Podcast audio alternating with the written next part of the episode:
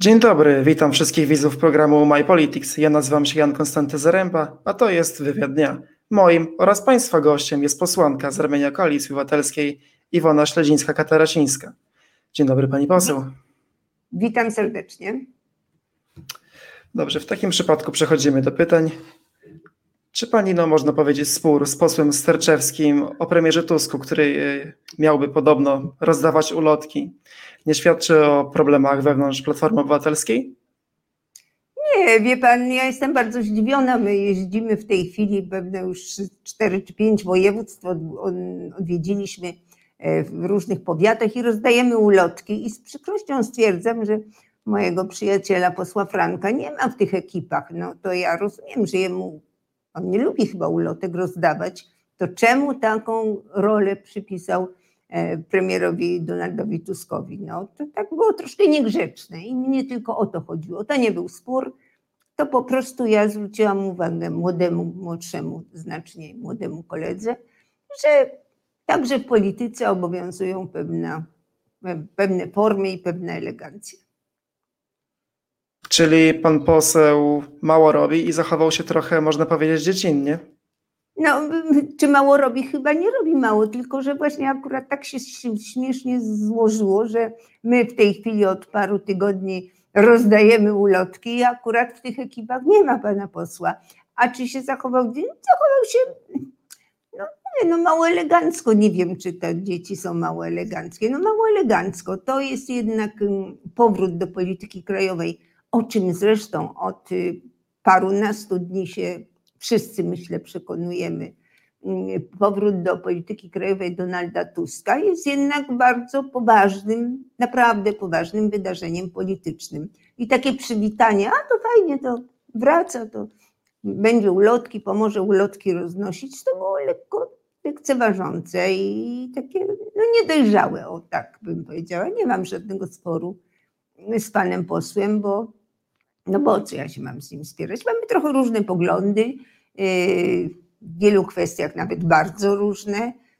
O tyle jest to zrozumiałe, że ja jestem w klubie, który w formacji politycznej, z którą jestem od 20 lat i zajmuję się tą polityką, a pan poseł Sterczewski jest klasycznym aktywistą, działaczem miejskim.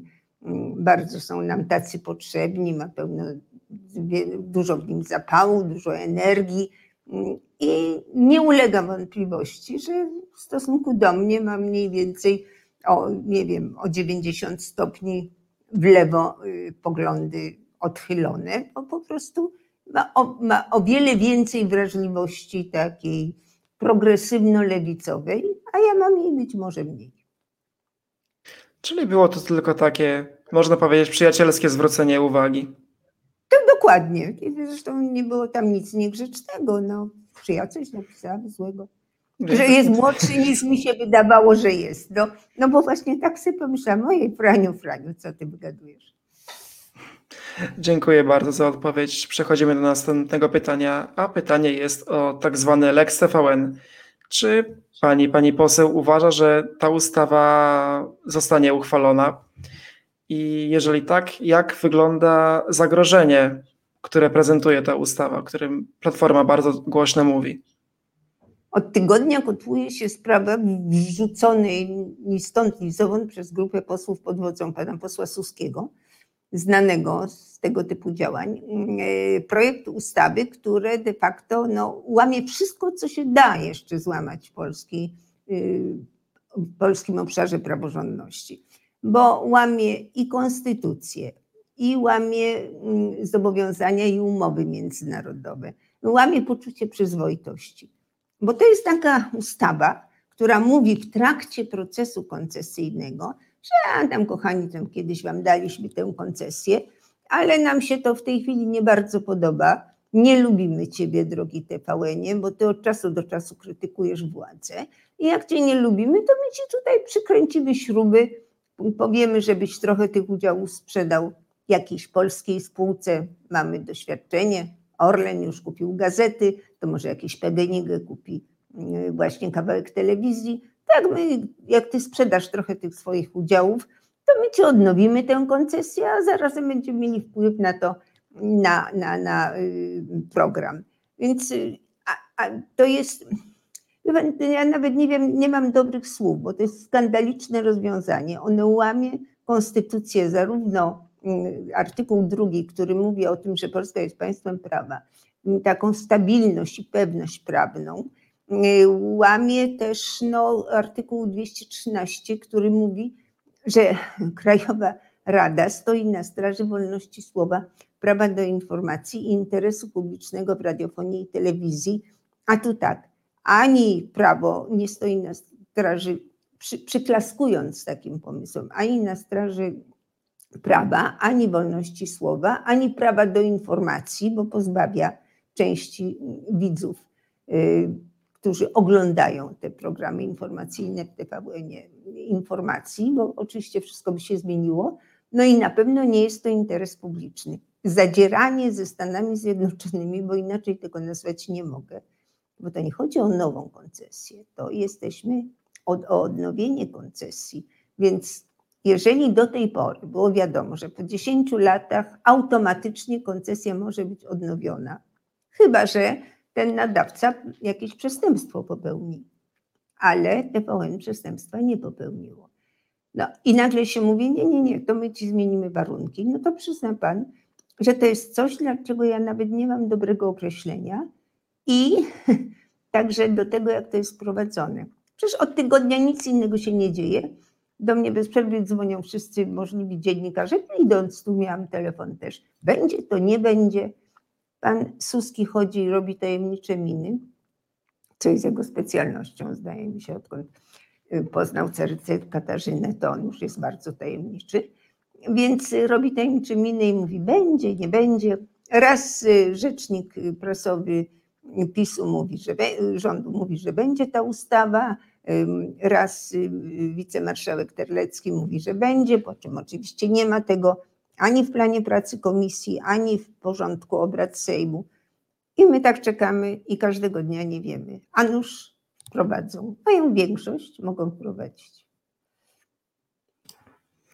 Dobrze, czyli rozumiem, że ustawa ta jest próbą znacznego ograniczenia wolności słowa w Polsce według Pani i Zdecydowanie. W pierwszej kolejności tak, to znaczy y, wolności słowa i prawa do informacji, bo my jakoś w Polsce zapomnieliśmy, że prawo do informacji jest jednym z podstawowych praw człowieka i obywatela. No i akurat sobie trenują to na nadawcy amerykańskim, znaczy z kapitałem amerykańskim, gdzie jak wiadomo, mm, kwestia właśnie tej wolności słowa i prawa do informacji to jest pierwsza poprawka do Konstytucji Stanów Zjednoczonych.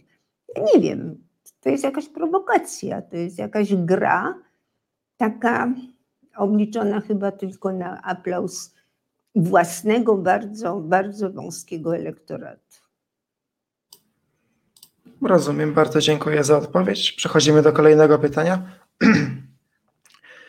Dzisiaj na Twitterze pojawiły się plotki, jakoby Koalicja Obywatelska miała się wstrzymać w wygłosowaniu nad odbudową Pałacu Saskiego. Czy jest to prawda? Proszę pana, myśmy się wstrzymali przy, w komisji przy wniosku złożonym na samym wstępie prac o odrzuceniu tej ustawy w pierwszym czytaniu, bo bez rozmów, bez poprawek, bez debaty i bez głosów ekspertów, no to ja nie jestem taka hop żebym powiedziała, że odrzucam, zresztą i tak to nie ma y, szans powodzenia, ale też nie mogę tego poprzeć, bo mm, ta ustawa budzi bardzo wiele emocji. Z jednej strony warszawiacy chcą odbudowy Pałacu Saskiego, a z drugiej strony, i o to się spieramy z rządem, nie wiadomo dlaczego to będzie robione przy pomocy jakiejś gigantycznej, takiej, przy takim zadęciu specustawy i bez wystarczającego porozumienia i współpracy z y, miastem, znaczy z samorządem Warszawy. I oto jest spór. Y, właśnie zresztą i skończyły się prace, takie rozpatrywanie i pierwszego czytania. Jutro będzie chyba na sali plenarnej drugie czytanie. Zgłosimy całą serię poprawek. Zobaczymy, czy te poprawki wchodzą, czy nie. No i będziemy podejmowali decyzje, więc pan, no przy całym szacunku rozmawiamy tu też tak nowocześnie na, na, na w takim portalu, na, na platformie streamingowej. No ale naprawdę Twitter nie jest, nie jest źródłem i metodą i instrumentem uprawiania polityki. My pracujemy w Sejmie. Niedobrze, że w takim tempie ustawa jest trudna, ustawa jest bardzo obszerna, no i za nią jest 2,5 miliarda złotych, które mają być wydane, więc trzeba się bardzo poważnie zastanowić. I ani nie można powiedzieć, jesteśmy przeciw, ani nie można powiedzieć, jesteśmy za tak pochopnie. Trzeba rozważyć za i przeciw. Dziękuję bardzo. Czyli twierdzi Pani, że Prawo i Sprawiedliwość przepycha tą specustawę, można powiedzieć, na pokaz? No tak, wie pan, znaczy ja nawet dzisiaj ich zapytałam, dlaczego tak robią. Dlaczego pan, ich prezydent, ukochany i czczony prezydent Kaczyński, miał swoje dzieło życia, tak? I zbudował Muzeum Powstania Warszawskiego, czy, czy zainicjował, no, przypilnował. Mm, koncepcja powstała w Pałacu Prezydenckim, przecież był tam tak tak zwany zespół muzealników nawet.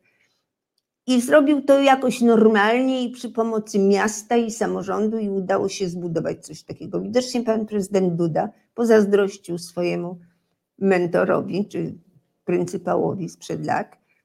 I też chce mieć swoje takie dzieło, dzieło życia, no ale robi to w fatalnym stylu, bo to jest projekt prezydencki.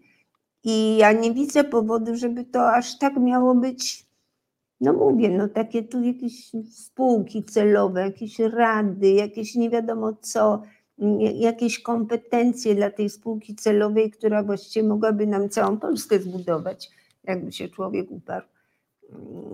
Nie podoba nam się forma. Ja powiedziałam, jeśli chodzi o treść, to można dyskutować.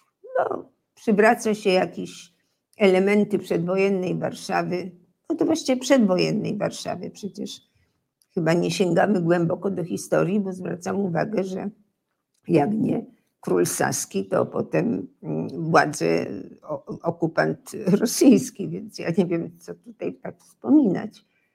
Ale y, po odzyskaniu niepodległości ten pałac funkcjonował jako taka reprezentacyjna budowla y, II Rzeczpospolitej. No i jest część mm, osób w Warszawie także, ale i poza nią, które mają jakieś takie tęsknoty i, i chcą tamte takie symboliczne elementy przywracać. Więc dobrze, może i tak, tylko pytanie, w jakiej formie jest to robione. Dziękuję bardzo za odpowiedź. Przechodzimy do czwartego pytania. Pani poseł, jest Pani jedynym parlamentarzystą w Polsce, który zasiadał w każdej kadencji Sejmu. Jak zmienił się Sejm na przestrzeni tych wszystkich lat? Czy zmienił się na lepsze, może zmienił się na gorsze, czy... W każdej działam ściślenia od pierwszej kadencji. Nie byłam w tym tak, tak, tak. zwanym Sejmie kontraktowym.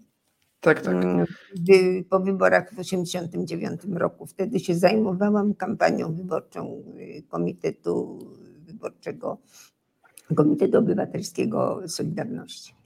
Y, jak się zmienił? No, ja y, ta, ta, zwłaszcza ta kadencja, być może to też wpływ pandemii, jest po prostu absolutną karykaturą normalnej kadencji parlamentarnej. Więc w gruncie rzeczy zmienia się na gorsze. Poprzednia też już nie była za ciekawa, bo jest kwestia y, jakby sposobu uprawiania polityki przez większość. Sejm to jest arytmetyka. Jak ty masz 51, a ja mam 49, to rządzisz ty. No i taka jest prawda. Czyli ponieważ większość w tej chwili ma Zjednoczona Prawica i to już jest druga kadencja z rzędu, to mnie y, odrzuca taki sposób uprawiania polityki. Właśnie taki na siłę, na rympał, po nocy, 24 godziny, bez konsultacji, z obrażaniem, eliminowaniem konkurenta czy przeciwnika. Dzisiaj też usłyszeliśmy, że jakąś opcja niemiecka jesteśmy i i, i nie jesteśmy patrioci, bo właśnie, bo właśnie mamy jakieś pytania i zastrzeżenia do tego Pałacu Saskiego. To jest straszne, wie pan. Ja, nie, nie, ja w ogóle sobie nie wyobrażam, jak może z Sejmu iść taki fatalny przykład. Bo to jest przykład. Przecież myślę, że ludzie się trochę orientują. No jeżeli tam można sobie nawymyślać, to oni sobie też mogą nawymyślać. Pan jest bardzo młodym człowiekiem, w ogóle wasza ekipa to są młodzi ludzie. Zaczęliśmy rozmowę od posła y, Franka Sterczewskiego.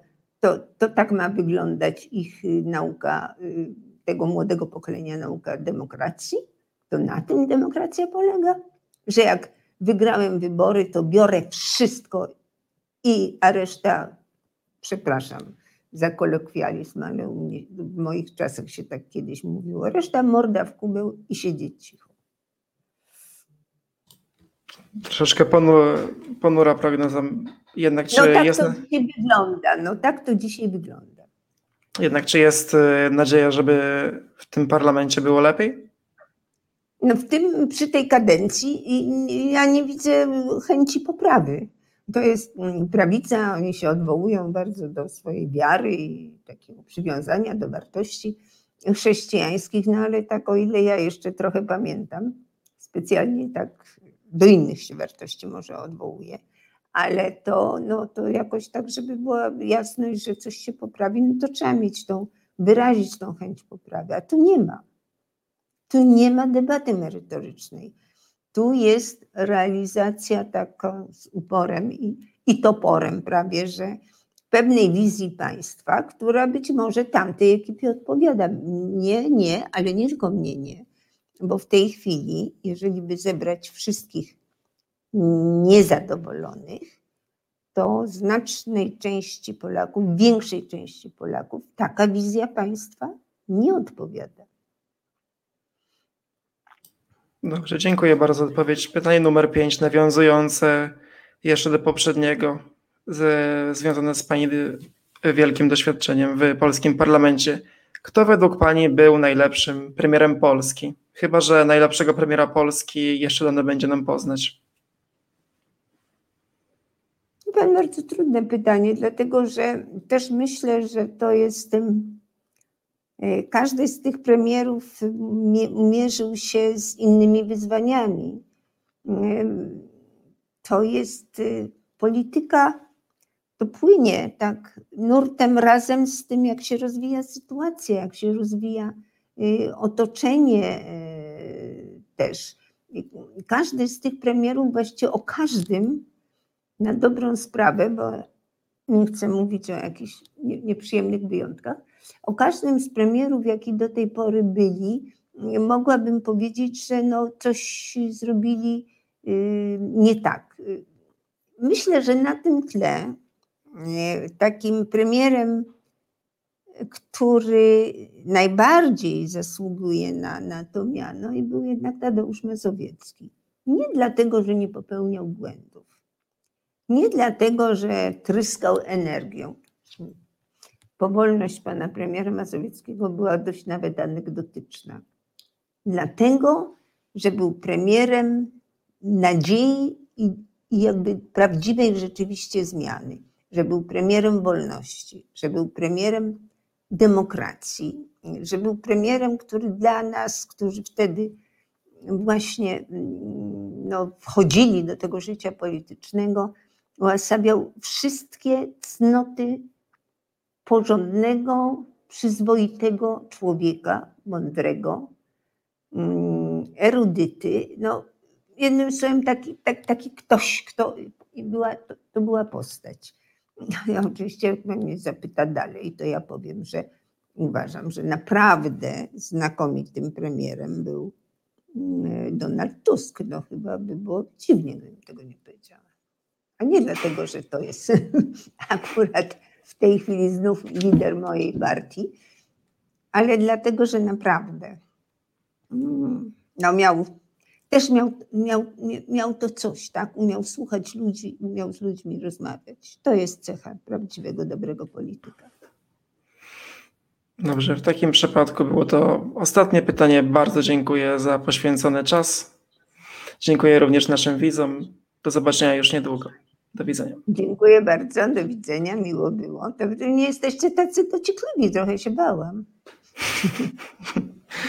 Nie jesteśmy aż tak straszni jak na Smoleju. Dziękuję bardzo wszystkim. Do No zobaczenia. właśnie. Dziękuję, do zobaczenia.